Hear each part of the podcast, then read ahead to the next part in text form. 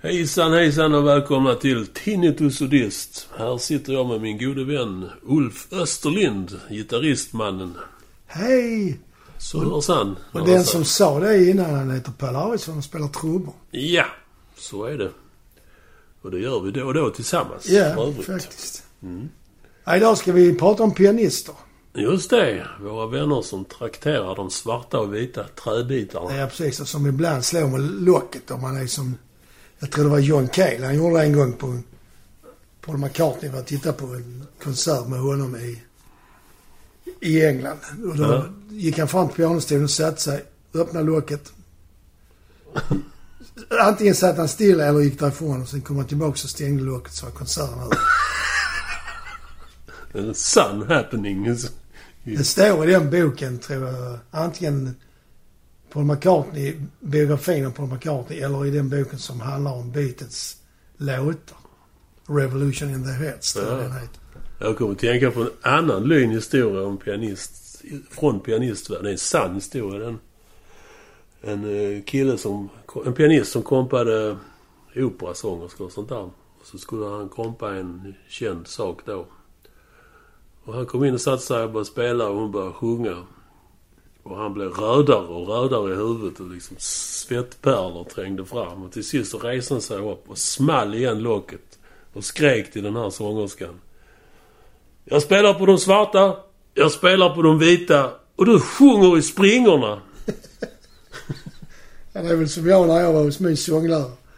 Han sa till mig att den, den tonen du tar nu Ulf, den finns inte i den västerländska skalan. Och den låg antagligen mellan tangenterna den också. Det var då din Ravi Shankar-period Ja, inleddes. precis. Sen köpte jag en sitar efter Och började dricka te från Indica. Djupt. Ja, det var inte det vi skulle ta idag. Nej. Det var pianister. Pianister. Och som vanligt så har vi en Spotify-lista där vi lägger upp valda delar av de Ja. artisters låtar som vi pratar om. Och vi har också en webbsida som jag nu kommer att försöka säga adressen till. Det är www.tinnitusochdist eller tinnitusohdist med o. punkt weebly punkt com. Jag tror fan det blev rätt denna gången. Äntligen! Och där lägger vi upp lite valda delar från YouTube. Ja. Så att ni slipper leta själv. Ja. Så är det och så förblir det. Ja. Och nu tänkte jag faktiskt vara så fräck så jag eh, börjar prata om min snubbe. Det får du lov. Och det är en av mina absoluta favoriter som pianist. Som spelar i ett av mina favoritband. Ja, jag kan bara hålla med på det första och hålla med på det andra. Ja, och då är det alltså Little Feets trummis, höll jag på att säga. Pianist eh, Billy Payne. Just det. Som har spelat med allt och alla. Och varför? Jo, för att han är så jävla bra. Snygg. Ja, det är han det också. Sa hans mamma i alla fall. Men han är, han är fruktansvärt bra. Ja, det är han. Det är han. Han spelar allt ifrån New Orleans till, eh, vad heter det, jazz och Ja. vissa lite Fusion. fint grejer är ju fusion liksom. Ja. Men han är som jag sa, New Orleans, boogie, ra- ibland ragtime och, och blues och Ja. rock. Och sen har, har han en stil som kallas för barrel house piano som jag eh, tror är lik boogie men inte riktigt. Man ändrar i basen bland annat. Kludar till det. Ja, man kludar helt enkelt. Trots att han är så bra och har spelat med massor så har han ändå alltid varit Little Feet tro- trogen. Trogen. Sedan han och Lowell George bildade bandet 69 tror jag. Ja. ja. Men han har spelat med, jag ska va- vala delar här, G.J. Cale. Turnerat och gjort plattor med Doobie Brothers. Emmylou Harris, Brian Adams, Pink Floyd, Bob Seger, Toto, Linda Ronstadt, Jackson Brown, Jimmy Barnes, Rod Stewart, Carly Simon, James Taylor, Bonnie Raitt, Steve Nicks, Robert Palmer, bla bla bla bla bla. Finns det fler artister? Eh, inte på Inte på ditt Inte papper. på mitt papper, nej precis. Nej, det, det vittnar ju om att han, han kan mycket om mycket. Ja, och att han är eh, bra för att han Ja. hade inte fått spela med så många om han inte hade varit. Nej, jag menar det. Det är ju olika stilar här. Det är ju också, ja. Och olika svårighetsgrader. Det finns ju många specialister och ideal, idealister inom eh, instrumentvärlden. Mm. Som menar som bara håller sig till ett. Det är en genre, Eh, eh, Puritaner kan man inte kalla Ja, det det. kan man säga. Ja. Faktum är att han, eh, han säger själv att han tackar sin... eh, Han hade en grannflicka som spelade piano. Mhm. Och sen eh, säger han att han vet inte själv riktigt varför han fick för sig att han skulle spela. Men han, han hängde på där. Och Första gången han var hos eh, pianoläraren som han då hyllar stort, som heter Ruth. I den, där han kommer ifrån. Känns som en frodig kvinna i en blommig klänning eller någonting sånt. Det kan det ha varit. Jag har ingen aning. Jag har inte sett någon bild på henne. Så spelade han en låt som han hade lärt sig utantill. Och hon tu- visade honom att så här ser det liksom. Så här, det är de ackorden och så här. Ja, ja. Och sen så fortsatte han och sen så sa hon till honom att ja, nästa gång du kommer så ska jag ha skrivit ut noterna till det du spelar för mig här. Ja, Så gjorde hon det för att liksom få honom att lära sig noter också. ja, ja. Så han, han berättar att hon eh, lurade in honom liksom. För han sa, hon sa till hans mamma att vi låt honom eh, liksom hålla på och spela efter örat och fritt och så för att det är bra så vi inte tar bort magi för honom. Ja, Men ja, ja, jag ja. lär honom samtidigt noter Vilken- och skolar honom liksom. Riktigt Så det var bra en smart pedagog, Ja. verkligen. Ja. Och det gjorde ju att han har ju liksom... Han, han kan ju improvisera och han kan ju spela klassiskt, om man Ja. nu säger så. Och läser noter också då, förmodar jag. Ja, det borde han göra faktiskt. Han spelade faktiskt i kyrkan i sin ungdom. Det gick bra ändå. Ja, han träffade ju Laurel George. Jag vet inte om det var så bra egentligen. Ja, det var det. men Jag tänkte på Inte för Lowell George. vissa substanser. Ja. Hans första band han var med i där han spelade gitarr, de var faktiskt förband till Beach Boys en gång. Jaha. Sådana spänningar snyter man inte ur Nej, näsan. det tänkte jag också när jag såg det. Att det kan inte ha varit så lätt att få ett sånt gig. Eller bara jag kanske var hundra förband. Men det har jag svårt att tro. också. Nej.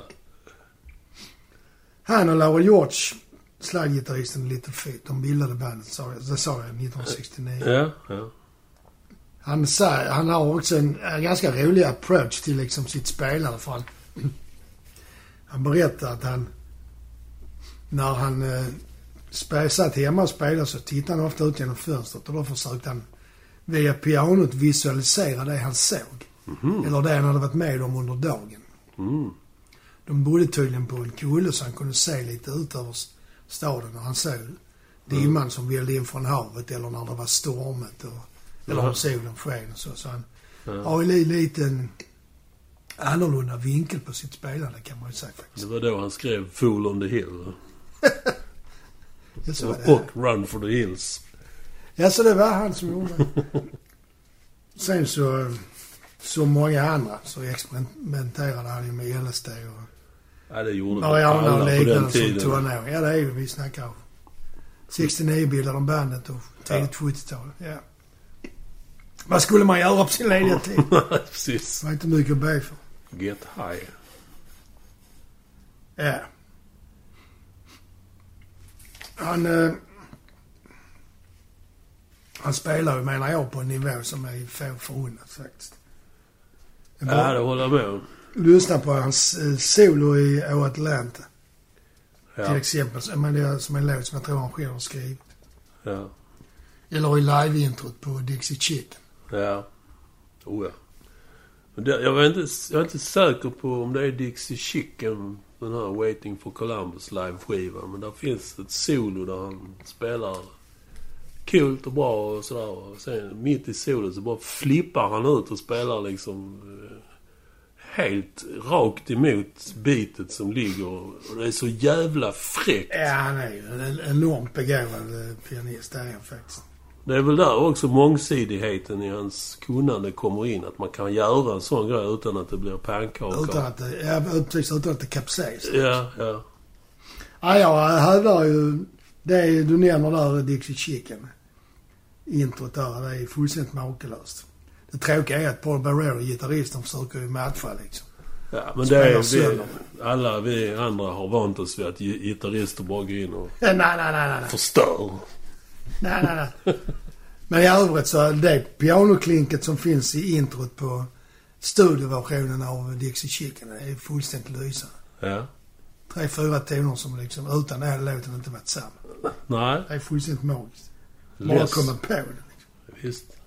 Jag anser att det är det mest geniala pianoklink som finns på någon låt i hela världen. Oj, där tog vi i. Och det finns ingen här som kan säga emot. Jo, det finns det, men han vill inte. Inte ens inledningen till Wedding av- med Hepstars. Eller? Ja, det är nog på gränsen. Det skrevs igenom på 15 minuter. Eller var det Miss Sunny Girl? Ja, det är någon av de två Ja. som är skrivna på så kort tid. Ja. Han... Eh, en gång så s- spelade han... Han var ju duktig på- så redan som ung, så han fick ju ibland spela på eh, skolavslutningar och sånt. Själv? Eh, han spelade ju liksom Ja. uppvisning kan man väl kalla det på ett sätt. ja. Och då var, kunde det vara så, sa man, att jag gick upp där på scenen och så spelade jag min låt, så fick jag stående ovationer. Gick ner och satte mig. Sen när jag kom ut på skolgården så var det som vanligt fick jag pryl som jag Ungar. Ja, men med det menar han att man ska inte gå, bara för att man kan en sak väldigt bra så ska man kanske inte gå runt och tro att man är Nej. speciell. Nej. Man är speciell inom det gebitet. Mm. Men man är inte speciell på något annat sätt. Nej. Så tolkar jag det i alla fall. I alla fall på skolgårdar. Ja, men det gäller ju många, många artister. De eh, får ju frågor om ditten och datten och världspolitik och så. Men det kan inte de ha någon aning om. Nej, jag, jag förstår. Det är så jag, men Ja, så, ja, nej. lite så tolkar jag honom. Och det är ju väldigt vanligt förekommande. Ja, det är det faktiskt. Sen har han också sagt att eh, hans musik och hans konst är ju inte des- detsamma som hans person. Nej. Även om det hänger ihop. Men Nej. han är ju liksom mer än det han gör vid pianot. Ja. Som människa liksom. Och det behöver vi ju inte egentligen säga någonting om, honom, om hans person. Det han spelar. Ja. Ja, det är ju en intressant diskussion tycker jag. Om, om konstnären är en skitstövel, är det dålig konst då? Ja, precis. Det Ja. behöver det inte vara. Nej. Många kända konstnärer och, och musiker har ju varit supporter och behandlat folk illa. Men Jo, det är de det. gör ju ändå bra musik eller tavlor eller böcker Ja. eller vad det nu är, filmer. Vi har ju en pågående diskussion nu i svenska musikklimatet. Jag kommer inte ihåg vad han heter. men Ja, det är han som eh, blev dömd väl? Ja, som har, Rapparen. har en väldigt stor hit just nu. Ja, Och fått priser och grejer. ja. Hänger det ihop kan man fråga sig. Ja, jag vet inte. Men jag tycker man ska se konsten utanför. Man kan ju inte göra så, men konsten och personen behöver inte hänga, alltså vara samma. Nej. Menar jag. Nej, jag håller nog med där. Och skulle man, skulle bara de som var rättrådiga och moraliskt riktiga Mm. göra konst, så hade nog konsten varit ganska tråkig. Och i musikerleden finns där ingen. Ja, kyrkomusiker. Trio med Bumba kanske. Dog inte han av alkoholförgiftning? Inte det ens vet han. jag Fan inte. också. Nej, det vet jag en inte. Det hittar jag illusion på. brast. Det är bra. Sen har han också sagt, han verkar vara en rätt filosofisk snubbe. Du går i jättarnas fotspår, dyker ner i swimmingpoolen och försöker klara dig till andra sidan. Det vill säga, du tar dina influenser och det du har lyssnat på, försöker skapa något eget och komma ut med något nytt. Ja, det är väldigt Det klokt tycker jag sagt. är ganska bra ja, faktiskt. Ja. Det är inte alla som orkar eller klarar att simma över till andra kanten. Nej, det är ju så faktiskt. Han blev faktiskt också tillfrågad om han ville vara med i Blues Brothers-filmen, men han kunde inte.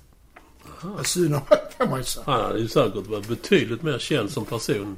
Ja, om han hade varit med där. Murph and the Murphtones. Det var inte så. Det Jo. är ganska roligt. Duck Dunn spelar bas. Ja, den kingen. Han får göra en, eh, ett långt pianointro kort så, så kan man bara säga klink, klink, klink. Nej, jag tycker, har ni inte lyssnat på, på hans eh, pianospel på någon av Little Fates plattor så gör det. Ett sant geni och udda ingångar. i alla Ja, fall. och spelar udda liksom också. Han är en fantastisk snubbe. Japp. Och med det släpper vi in... Huvudinstrument. Japp. Där bankades det färdigt. Jag trodde det skulle bli längre denna gång. Äntligen! Ja, det var inte ett gitarr- gitarrsolo så det... Ja, men det var lite kli där på slutet. Gled inte in ett sis också? Någonstans gjorde det det. Ja, jag tänkte ta oss in i eh, min värld Alltså av oss två, som är då symfonisk rock. Och jag vet att Ulf, eller jag ser att Ulf sitter och vrider sig i stolen. Nej, jag sitter och ler. Ja, vi har ju en kille, en engelsman som... eh, eh, ja, jag, jag, brukar- jag kallar honom för Mr Pompous. För han är ju väldigt pompös. Framförallt under 70-talet och 80 kanske. När han var med i Yes. Oh. no! och då pratar vi om Rick Wakeman. Jag kommer ihåg jag såg en konsert när han var själv. Ja, Han hade något eget band där också. Han gjorde det. ja, oh ja han har gjort massor med Och grejer. då tror jag han hade tio olika keyboard på scen. Ja. Som man ska ha. Eller skulle ha på den tiden. Pelle ser nöjd ut när han säger ja. där, men ja. Dessutom hade han ju en Hammond. Det hade han. Det eh, hedrar honom. Det får jag säga. ja. ja, den här rackaren han, eh, han föddes 49. Eh, Började också, precis som din gynnare, spela tidigt piano och ta lektioner. Och började redan som 12-åring eh, spela med i olika jazz, jazz och dansband. Vi pratar alltså 60-talet nu. Ja, när var han född sa du? 49. Tidigt Eh, 60-tal. Tidigt 60-tal, ja precis. Och då fanns det ju mycket sånt förekommande. Men det var väl i den vävan när de flesta av de eh, stora, eng- de engelska musikerna som sen blev stora och kända, bör- de började ju då. Blackmore, Mm, Page, ja, ja. Beck, Och jag tror... Wakeman, John Lord. Det fanns nog Steve inte Winwood. mycket... Ja. Det fanns nog inte mycket annat och, om man ville ut och spela på den tiden. Det var ju deras föräldrars musik som spelade. Ja, det Ute. kan man säga. Ja. Så- Men sen kom ju skifflen också Ja. och räddade dem om man Ja. ja. sig, För det ledde ju vidare sen. Men det är ett sidospår. Ja. Även rock'n'rollen låg väl och bubbla några år tidigare. Ja, Chuck Berry och de höll ju på. Ja. Elvis. Eh, Rick Wakeman var det vi pratade om. just det, ja. Jag skulle precis börja prata om skiffen, men vi skippar det. Det gör vi. Eh, På grund av detta eh, idoga spelande så grundskolan sköttes ju sparsamt med vänster hand såklart. Men han lyckades faktiskt ta sig in på eh, vad som motsvarar vårt musikgymnasium här i Sverige. Och till sist så landade han 1968 på en utbildning till konsertpianist. Oj! Royal Det är en College. rejäl skola. Alltså. Ja. Det var, jag vet inte om det är högskolan. Royal College of Music. Det är väl deras högskolemotsvarighet kan jag tänka. Ja, jag tror Eller så är college gymnasium. Ja, jag kan inte riktigt. eh, De de får nog inte engelska döpa termerna. någonting till Royal om inte det är väldigt mäktigt. Nej, det är nog sant i och för sig. Och han hade dittills eh, varit lite av ett underbarn och alltid haft lätt för sig i- i piano, pianots värld. Men eh, väl på, musik, på högskolan så insåg han att de andra studenterna var ju minst lika bra som honom. Och i många fall till och med bättre. Så eh, han tappade sugen. li- Och vad gör man när man tappar sugen? Man röker brass. Eh, Eller? Ja, det kan man också göra. Men han Käka tog, en, LSD. han, han tog en mildare... Han gick på puben istället. Ja. Så han hängde mer på puben än på skolan. Och dessutom så hängde han i en musikaffär, lokal musikaffär. Spenderade mycket tid där istället. Och eh, som vi har varit inne på innan så det, det är ju inte bara skicklighet i musikbranschen. Man ska också ha en hel del tur. Och det hade Rick Wakeman då i musikaffären. För där kom in en gitarrist som behövde en organist och en blåsarrangör. Han var alltså bevandrad i notskrivande Ja, men har han gått på konservatoriet så... Ja, eh, absolut. Borde han ju vara det. Jag Ja. vill bara förklara Vad det är. som du är gitarrist. Så. ja, ja, men jag har hört talas om ackord och så. men Jag är inte helt säker. Du har jobbat i skift alltså. Ja. Och det visade sig då att de- den här gitarristen jobbade med Ike and Tina Turners band. Yes. Ja, det kan man ju... Jag tyckte det var lite konstigt så jag kollade upp det och i den vevan... 60... Ja, slutet på 60-talet någon gång, 68, 69. Så hade de precis släppt eh, River Deep Mountain High. Och den, den slog inte särskilt i USA då till en början. Men däremot så var den jättestor i Engla- England. Så att de Ja, okej. de turnera där, I- Ike och Tina. Och, eh, ofta med Rolling Stones, alltså förband till Rolling Stones. Ja, de gillar ju Tina Turner. Så jag, jag tänker att, jag vet inte, men jag tänker att de kanske behövde någon lokal förmåga som hjälpte till att fila på blåsarnas arrangemang. Ja. För det var ju liksom inte så särskilt lätt att skicka arrangemang fram och tillbaka till USA till deras ordinarie arrangör kanske. Nej, det där tog nog någon dag för posten där. Ja. ja, hur det nu var så Rick Wakeman var ju klippt och skuren för detta uppdraget. Och då han hängde på. Och eh, arbetet utfördes i en studio.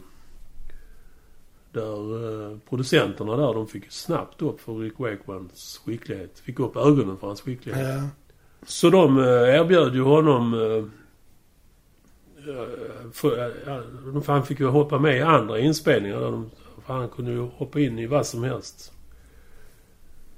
Och spela vad som helst. Ändå så var han inte så... Så han tyckte han var så bra där på konservatoriet, eller var det den skolan? Det var Nej. inte exakt, Men i popvärlden var han Ja, briljant. ja det kan jag tänka mig att det har legat till så. Han fattar ju mycket teoretiskt som Ja. kanske... eh, Även de större artisterna som... Det gjordes ju jättemycket inspelningar på den tiden. Med eh, studiomusik. Ja, det gjorde han. Jimmy Page kom ju fram så. också. Ja, visst. Det var ju trots allt Golden Age of Rock'n'Roll. Oh. Och han, eh, ja, han gjorde en 15-20 studiejobb varje eh, vecka. Fan, han menar, Ja. mer än Hal Blaine. Ja, ja, ja. ja, Trummis var han, Hal Blaine. ja, Kan ni höra om i ett avsnitt också? ja Tidigare avsnitt. Gör det. Way back. så det sprang ju iväg där för Rick Wakeman så han hoppade av eh, Musikhögskolan då. Såklart. Pengar har ju alltid en viss inverkan. Det har en dragningskraft. Bara fråga alla managers. Han, eh, I s- studiosammanhang så levererar han alltid på nolltid. Det som behövdes i keyboardväg och arrange- arrangemang också. Så han fick snabbt smeknamnet One Take Wakeman. Förlåt. Det var liksom inga Take 263 där utan det var första tagningen. Ja, det måste de ju ha gillat. Eh, Studion kostar ju pengar. Ja, ja, ja, ja visst. Och de vill ju bara pressa ut sina hitsinglar och, Ja. och gå vidare till nästa. Det, man kan eh, till exempel T-Rex, Elton John, Cat Stevens, David Bowie. Eh, han började med Bowie på att spela in hans låt eh, Space Oddity. Där han eh, kallades in för att lira mellotron. Vi har pratat om mellotron innan. Ja, en gammal, gammal, eller en föregångare till syntar kan man väl säga. Ja, så den var helt mekanisk då med bandslingor. En bandslinga för varje ton och så kunde man då spela in fiol, cello eller vad man nu... Ja, okej. Och sen kunde man spela ackord med det. Vilket Och jobb slippa att göra dra in slingor. dem. Ja, ja, ja. Och slippa att dra in en hel stråksektion eller en blåssektion eller vad det nu var. Men eh, i Bowies fall så fanns det ingen som eh, fattade hur det här instrumentet fungerade. Så där eh, halkade Wakeman in. Och cashade dessutom in 9 pund för den sittningen. Oj. Mm. Ja, det var det ju tidigt 70-tal så det var väl kanske mycket pengar på den tiden. Eh, Det var en av eh, producenterna, Tony Visconti, som han brukar producera, eller han producerar allt som Mark Bolan gjorde. Ja, han producerade Bowie också sen. Ja, det gjorde han. Eh, Tony Visconti, han hade ett gott öga till Rick Wakeman. Speciellt gott öga. För ett tillfälle med någon annan artist, inte Bowie alltså, så plockade han in Rick Wakeman. För de behövde en baston på pianot i slutet av låten. Och den plockade de in Rick Wakeman så han gjorde det. Så fick han 9 pund för det också. För en till. ja. Men det var bara för att Tony Visconti gillade honom. Eh, Hon får leva något grundgav där nere på. Ja, jag Det var tänker att det minsta är man någon fick sån betala. Eh. musikerförbundavtal eller någonting. Det finns ju, eller fanns. Ja, nu finns det väl ingen som bryr sig om det.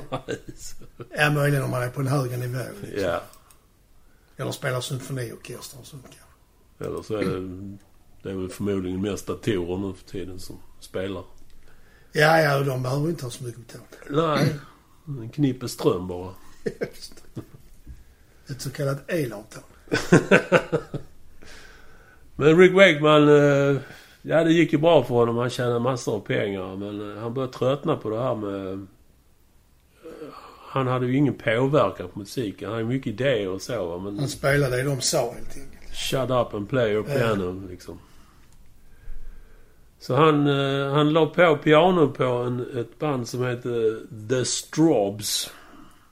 Det känner jag igen det namnet. Varför gör Ja, jag det? ja, de är rätt coola. Spelar fortfarande faktiskt. Oj. Mm. De var inte helt bekanta för mig, men de, de har gjort en intressant resa kan man säga. De började tidigt 60-tal med bluegrass. Som blev folkrock. Som blev symfonirock. Ja, okej. Jag kollar, de finns på Spotify. Jag kollar lite grann. Det är rätt fräckt, men... Det är, den saknar den här udden som de stora symfonirockbanden Ja, okej. hade. Men eh, helt klart lyssningsbart. Men han hjälpte dem på några inspelningar och... eh, De blev så pass impade så att eh, de bad honom hoppa med 1970. Och första giget var ett eh, långtidsgig som husband på en rock'n'roll-cirkus i Paris. De kompa cirkusnummer och olika artister och sånt där. Fast Ja, med ja, rock'n'roll då.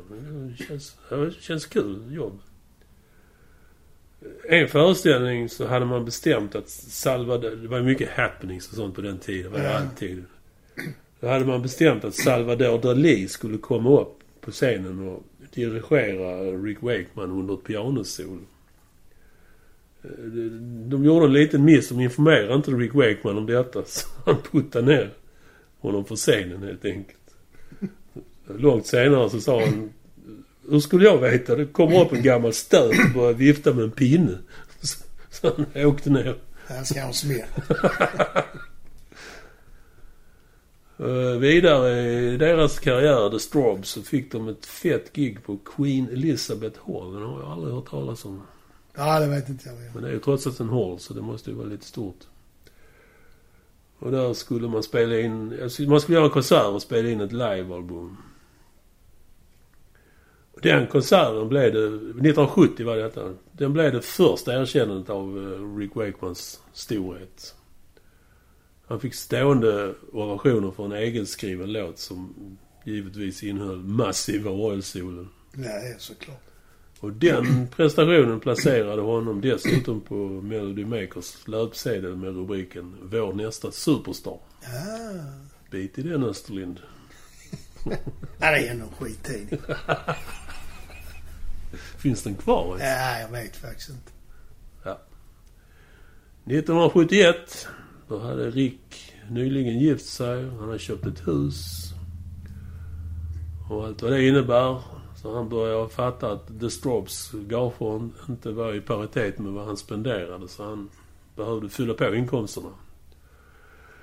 Så han eh, gled tillbaka i studiojobbsvärlden. Eh, och då i den vevan så spelade ju Bowie in Hunky Dory. Och här eh, är det ju mycket minimog. Kommer du ihåg den synten? Nej, men jag vet vad en mog är. Men det var den som såg ut som en telefonväxel. Ja, man Och viker sen upp med sladdar och och eh, massa knappar. knappar. Man Ja. kan spela allt möjligt. Eh, Rick Wakeman, han köpte sin av en kille som... eh, Han trodde den var sönder, för man kunde ju bara spela en ton i taget. det, det gick ju inte att spela mer än en Den ton. var i inte polyfonisk. Nej, just det. Så heter det. Så det, ehm, det ledde till att eh, Rick Wakeman så småningom skulle fatta sitt livs svåraste beslut. En eftermiddag så ringer eh, David Bowie och meddelar att piano i hans nya band Spiders from Mars är hans. Och det var ju stor lycka och äntligen liksom. David Bowie, wow. Klockan två på natten så ringer Chris Squire, basisten i Yes. Och säger att de har sparkat sin keyboardist. Tom Kay hette han som spelade innan. Österlind nickar igenkännande. Mm, inte. Eh, han, han fick sparken för att han, han, han spelade orgel och piano. That's it. Han vägrar befatta sig med de nya, upp- den nya uppfinningen synt. Ja, okej. Det var ju dit Yes var på väg. Så att, eh, därför fick han gå och Rick Wakeman fick frågan. Så man kan ju tänka sig liksom hans huvudbry. Liksom. Ja, precis. I alla fall så kom man överens om att träffas i Yes replokal. Och där, där Yes höll på att fila på vad som skulle bli albumet Fragile. Och med Rick Wakemans närvaro så fick de snabbt ihop grunderna till Heart of the Sunrise och Roundabout. Men är det deras första platta?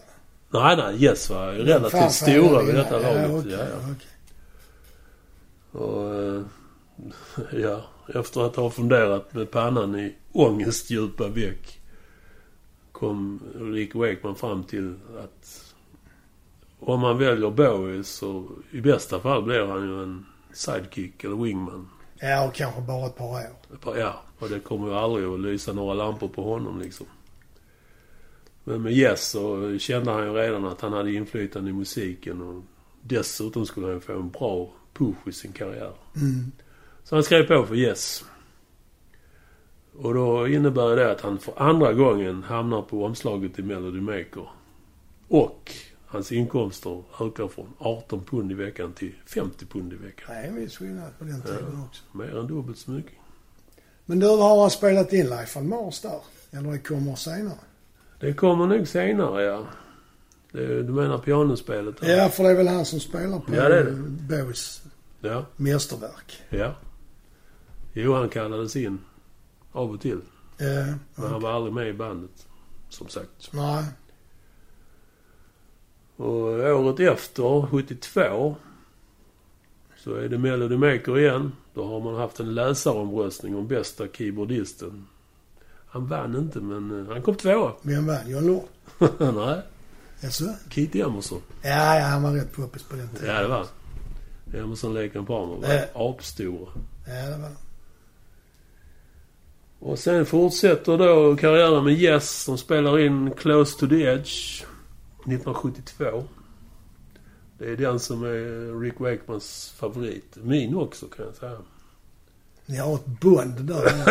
ja, Rick och jag. Eh, och- och nu börjar ju den här s- epoken i hans liv som jag... där- Det är därför jag kallar honom Mr Pompous. Han börjar använda cape. ja, det, är, liksom- det hade han på den konserten där jag pratade. Och det ser ju... Ja, på den tiden var det väl okej liksom. Men nu i efterhand så... Ja. Stålmannen på scen liksom. Eller Läderlappen. Och däremot året efter, 73, så petar han Keith Emerson och kniper första platsen som bästa keyboardist i den Ja, här ja. omröstningen där. Och dessutom så norpar han åt sig ett skivkontrakt på fem plattor för sin egen musik. Oj. Så 1973, samma år då också, så släpper han eh, den underbara The Sixth Wife of Henry the Eighth. Helt instrumental platta. Egentligen. Ja, den är faktiskt... Alltså det, det, det passar mig bättre. Alltså om man jämför med Yes. för Yes är ju jättekantiga och kalla många gånger. Ja, okej. Och må- många skivor också som... Det här är mer eh, åt Genesis-hållet, tycker jag. Jaha. Säger han och bryr sig inte. Jag har inte en aning. Jag snarare än jag vet. Eh, ja, och det var folk från The Strobes och Yes som spelade på den plattan. Ja, Okej. Yes i sin tur gasar vidare och släpper dubbel-LPn Tales from a Topographic Ocean. Och här börjar det att gnissla för Ricks del. Han- Han tyckte den press, det är en dubbelplatta. Den pressades fram och kändes ofärdig. En och annan låter bra tyckte han, men det hade räckt med en LP. Eh, När de höll på att spela in den så var han så pass besviken på materialet så han, han smet hellre iväg in i en annan studio i byggnaden där Sabbath, Bloody Sabbath höll på att spelas in. Där kunde man supa, och- så det gjorde han. Dessutom var han med på något spår på den plattan. Han är rätt bra kompis med John Lord också. Det finns en i intervjuserie där eh, Jag tror det är John Lord som intervjuar andra musiker. Just det, Så just Där är det. ju Rick Wakeman med Ja. i den. Den är ganska rolig att se. De pratar gamla minnen från när de Ja, var förr. ja det är liksom. skitbra. Eh, Den intervjun, jag vet inte om det är just den kanske, men se, väldigt sent så tog jag tillbaka det här jag sa om Mr Pompus. eh, För han är ju skitrolig, Rick Wakeman. ja, den bilden fick jag också. Han har haft talkshow och sånt i engelsk TV. Mycket rolig. Engelsk eh, Monty Python-aktig hörna. Ja, den. Eh, Ja, i alla fall den här Topographic Oceans, den... eh, Ja... Han tyckte inte om den riktigt. Eh, De åkte i- ut på turné igen med den här Topographic och även... eh, eh, den här, vad fan hette nu den som jag sa innan? Close to the Edge såklart. Och turnera på dem.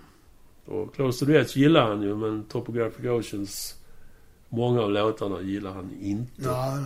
spelade de inte de live då? Eller han hafsade igenom? Han löste det på följande sätt. Det var på en konsert i Manchester.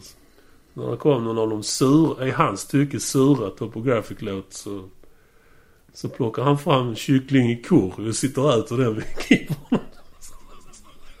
Istället för att spela. Det är nästan ett performance. Bara det. Protest och ett performance.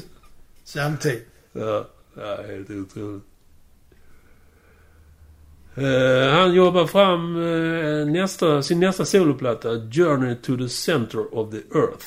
Den titeln känner jag faktiskt igen. Ja, den är ju då... Men jag en- tror inte jag har hört plattan. Men... Boken har du säkert läst. Ja, det tror jag. Men jag- alltså som platta också. Det... Alla hans plattor var stora för att vara... Ja, och ja, men- Alltså, i men den inte mer världen. än, eh, Hur stor är en LP? Den är ju inte mer än en halv kvadratmeter. en strund. Och nu börjar ju också storhetsvansinnet och... Ja, det var ju då Jules Verne som var den som... Ja, jag vet. Mm. Jag vet det. Men... Ja, ja. Och det vet ni våra lyssnare. ja nu vet du det. Så det, det, det, alltså projektet det börjar skena. Det var ju då ett rockband i grunden och sen var det en symfoniorkester och det var en, en kör som han hade skrivit detta verket för. Och skivbolaget, de tvärvägrade. Det här kommer bli alldeles för dyrt. Vi kommer inte till att spela in denna. I alla fall inte in i en studio. Så man kom fram till då att eh, Royal Festival Hall i London, där kunde man framföra verket och ta betalt för intäkter och spela in det här samtidigt. Ja, ja, fiffig. Det här är rätt smart. Eh, Men trots att man valde denna formen att spela in den på så ville ju ändå inte skivbolaget stå för alla fiolerna. Pun intended. Ja, uppfattat. Så Rick Wakeman han fick chippa in en hel del själv genom att sälja det mesta han ägde. Ja, fan, var det så viktigt för honom att göra detta? Ja, alltså? tydligen. Och eh, samma år, eller året efter, 74 i alla fall. Det var den 18 maj för han fyllde 25 den samma dag. Då hände återigen två stora saker i hans liv. Han hade tröttnat så pass på Yes nu så han ringde till managern och sa upp sig. Och några timmar senare så ringer skivbolaget och meddelar att Journey to the Center of the Earth ligger etta på Englandslistan. Så det var Grattis. ju, ja, det var ju fett. Och även i USA så klättrade den upp, den klättrade upp till tredje plats. Skivan såldes totalt till 14 miljoner. Det är ju rätt mycket faktiskt. Ja, vi pratar ju ändå om symfonisk rock. Det var, Ja. ju- det var ju Det stort. är inte så på många 70-talet. som är intresserade, som är så intresserade av det. Nej, nej. ja, hans karriär hade ju nu gasat på i 190 under flera år. Som jag nämnde innan så han spottade ju inte i glaset och dessutom rökte han som en borstbindare. Och straffet låg ju runt hörnet. Redan samma, samma sommar så han framförde det här verket på Crystal Palace Park i London. Ni lägger märke till att Palle nu inte längre säger den här musiken utan han säger det här verket. Vadå, det är jag som är Mr Pompus nu? ja, man framförde det verket och eh, med allt vad det innebär. Det var ju säkert 50 man musiker som skulle instrueras. Och, Ja, okej. så han hade knappt sovit he- veckan innan. Och, eh, ja, och så krökade han också såklart och rökade. Så att, eh, han fick en hjärtinfarkt. Oj, 25 år gammal. Eller 20. Ja, Det är ju rätt tidigt får man faktiskt säga. Ja, ja. Oh, ja. Så han hamnade på hospitalet. Eller vad hette det? Så inte sjukhus. Nej, jag, du fortsätter i den verksamheten liksom. Verk och hospital och... Och där fick han ju såklart rådet att tagga ner. God damn it. Men han brydde sig inte. Han började redan skriva... Redan på sjukhuset när han låg konvalescent. Fint ord också. Du excellerar nu. Oh!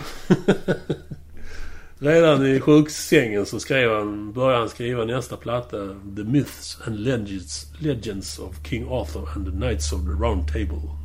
Han gillar långa titlar. Ja, det känns lite så faktiskt. Och nu blir det riktigt pompöst. Han bokar 20 gig. Alltså han finansierar allt det här själv. Han bo- bokar 20 gig i USA med sitt band. Eh, Och så då plockar han in National Philharmonic Orchestra och Choir of America. Och det är liksom... De tar betalt. Såklart. Och de, inte lite heller förmodligen. Storhetsvansinne är ju ett ord som kommer före en. ja, verkligen. Och det var ju inte nog med det. Man skulle ju ha rex, rekvisita och allt annat som hör till. Och det var ju extra allt hela vägen. Ja, de kanoner. ja, ja, ja, ja. Alltså, man... Han förlo- på den resan så förlorade han 125 000 pund. Men det sket han i. För, eh, an, antagligen, för det var så mycket debacle om de här konserterna så att antagligen sålde det ännu mer skivor. Det skrevs ju mycket om det här Äh. påkostat Äh. och big time. Så han bestämde att eh, det här verket ska framföras i England. Verket. Framföras i England, där på Wembley Stadium. På is. Varför på is? Ja, det var, det var Ah, faktiskt inte Holland hans är ju idé. nice. Det, det var något annat arrangemang i samma veva. Kanske Holiday on Ice. Så de kunde inte töa is. Ah, okej, jag köper det. Men han löste det genom att ta in hela symfoniorkestern och kören och, och rockbandet. Och 14 skridskoåkare. Som då skulle visualisera eh, King Arthur och svärdstrider och Ja, säkerligen kanoner också.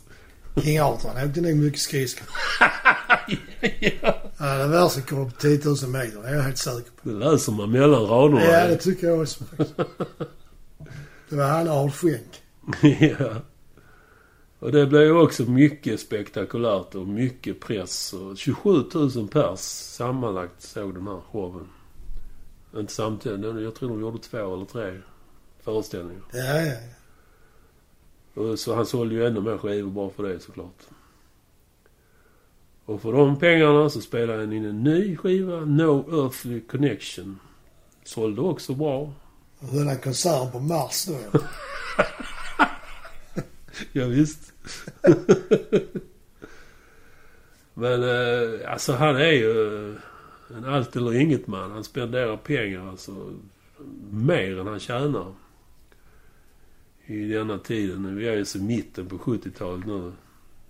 Och dessutom börjar Skatteverket nosa honom i faggorna. så, så det var nog inte helt lätt att heta Rick Wakeman. Nej.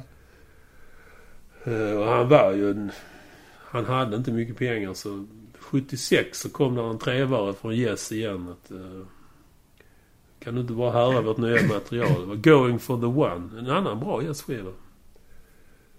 Finns det mer än en? Nej, nu är det. Jag har inte lyssnat så noga. Så. Nej, det är som jag har sagt tidigare, du har allt det goda kvar. Med jungfruliga öron kan du lyssna på dessa verk. Ja, det kan jag för jag är faktiskt jungfru. Oj, den small fel den, det skämtet. Dog. Eh, ja, så de eh, spelade upp det här, vad de hade ju skapat details för Going for the One. Och han tyckte det var bra, så han anslöt sig igen till moderskeppet. Och det blev ytterligare en platta, Tomato. Och den fick sitt namn, Tomato, för att den här killen presenterat eh, sitt förslag till omslaget på eh, skivan som inte hade något namn ännu. Och Rick Wakemans eh, omdöme var genom att kasta en tomat på f- förslaget. Så de tog med det. De tog en bild på det och döpte plattan till Tomato. Så kan det gå. Eh, Men eh, ja, det gnisslar igen. Och ni- åt- 1980 så hade han och sångaren John Anderson fått nog, så de lämnade. Bägge två. Och nu är det riktigt rock bottom för Rick Wakeman. Utfattig. Han- Han han hade inte ens ett hem. Han var uteliggare ett par Ja, månader. varför? Helt otroligt. Ja, det är det. Han kunde väl sovit hos Johnny Ward. Ja, det var faktiskt en roddare som tog honom under sina vingar och Ja, lät ja. honom bo där. Men eh, ja, han jobbar sig långsamt upp. Och gjorde, han har gjort massor bra musik. Ända fram till nu faktiskt. Han har gjort mycket filmmusik. Men i mitten på 80 till 85 så fick han en ny hybris och satsade allt på en turné inför släppet av hans eh, senaste skiva då, Silent Nights hette den. Det gick åt fanders det också, så han var utfattig igen. Och dessutom sjuk nu. Han- Hans alkoholism hade drivit honom över kanten. Så han fick faktiskt ta hjälp av Jesus för att ta sig upp igen. Hade han tänkt med det? Jo, han hade en, en eh, sittning som var avbokad. Ja, ja. okej. Så han kunde sluta... Påskmiddag som... Påskmiddag. Påskmiddag som gick åt skog. Med en plats ledig. I alla fall, han, eh, genom religionen så kunde han komma ifrån r- eh, alkoholoket. Ja, det var ju bra i och för sig. Men eh, det, ge- alltså, Yes är ju hans mest kända insatser, det han gjorde där. Ja. Jo, det Eh, är där jag känner. Som vet jag att han spelar på Bowies. Ja, Live från Mars. Eh, ja, ja, det är rätt känt. Ja. Och Det blev faktiskt ytterligare en resa med Yes 1988. Eller ja, nästan. För de- De kallar sig Anderson, Bruford, Wakeman och Howe. Som spelar gamla jazzlåtar. Ja. Och det gjorde de under några år världen runt. Så han, han höll sig flytande där igen. Fram till 93. Då var det dags för en ny krasch. Skatteverket var på honom igen. Och denna gång var det riktigt allvarligt. Så pass allvarligt så att lösningen det blev en sorglig lösning. Han, han var tvingad att sälja alla rättigheter till sin egen musik. Ja, för- Ja. Och som han själv sammanfattade det. Det tog tre sekunder att skriva på. 22 års arbete bortblåst. ja, så kan man säga det faktiskt. Men vad skulle han göra? Nej. Och nu är vi nästan framme i nutid. 2002 skulle Yes fira 35 år. Och hur kan man fira det bättre än att bjuda in Rick Wakeman? Så det gjordes. Eh, Ett, ett kalas som varade i nästan ett och ett halvt år. Över hela världen. De åkte runt igen. Över Kuba faktiskt. Oj. Innan coronan bröt ut så, så fanns det två versioner av Yes. Som åkte runt i världen och spelade Yes-låtar. Eh, 2018 fyllde de ju då naturligtvis 50. Och de två lägren består av gitarristen Steve Howe och trummisen Alan White. Och de har namnet Yes. Jag vet inte vem... ja, Nej, de är nog rätt kända de som åker med. Jag kommer inte ihåg. Men eh, s- Alan White, trummisen, han är rätt sjuk nu så han spelar inte så mycket. En kille som heter Jay Shellen. Har varit med i Asia. Ja, det är ett band. Jag känner igen namnet men jag vet inget. Nej, jag tror inte du har... Det är inget som tilltalar dig. Nej. Men eh, ja, det kommer en ny studioskiva med dem i år, 2021. Med den sättningen. Och sen det andra lägret som heter Arv. Wakeman, Anderson, Rabin. John Anderson och Trevor Rabin. Mm. De har alla varit med i Yes innan. Så den, jag tror det var sista gången. De, fick, de blev också invalda i Rock'n'Roll Hall of Fame 2017. Och då lyckades de jämka ihop sig så alla originalmedlemmar spelade tillsammans. Innan de bara slåss bakom scenen. Ja, antagligen. Steve Howe har sagt senare att en återförening med de som lever nu, originalmedlemmar, är helt otänkbar. Så Billy det, Squire har väl dött, har han inte det? Chris Squire, ja. Chris, förlåt. Ja. Han dog 2015. Ja, Det är inte så länge sedan. ja. Va? Så länge sedan? Ja. Jag trodde det var nu i fjol eller något sånt. Nej, det är... Ja, jag är inte hundra, men... Nej, vem fan är hon? Nej. Ja, det var The Fairy Tale of Mr Pompous, Rick Wakeman. Jag kommer ihåg det med cap och såna här eh, rockar. Ja. Fotsida rockar Ja. som glänste lite så. Mm. I strålkastarskenet. Han använde något som... Paljetter och Ja, grejer, ja. Så jag kan förstå vad du menar med det Mr Pompous. Och så då 10 kilo. ja. Det var ju inte på, på höjd liksom, utan det var... ja, Runt honom. Runt honom, ja. Han eh, liksom vred sig där när han skulle spela. Ja, en tre, fyra, fem keyboard på höjd Ja, i tre olika vinklar. ja. ja det var en riktig musiker det. Jajamensan. Men det är ju sorgligt att han eh, dels så blev sjuk så och sen att han Skatteverket det tyder på att han antingen inte är han så ekonomisk själv eller så har han dålig rådgivning.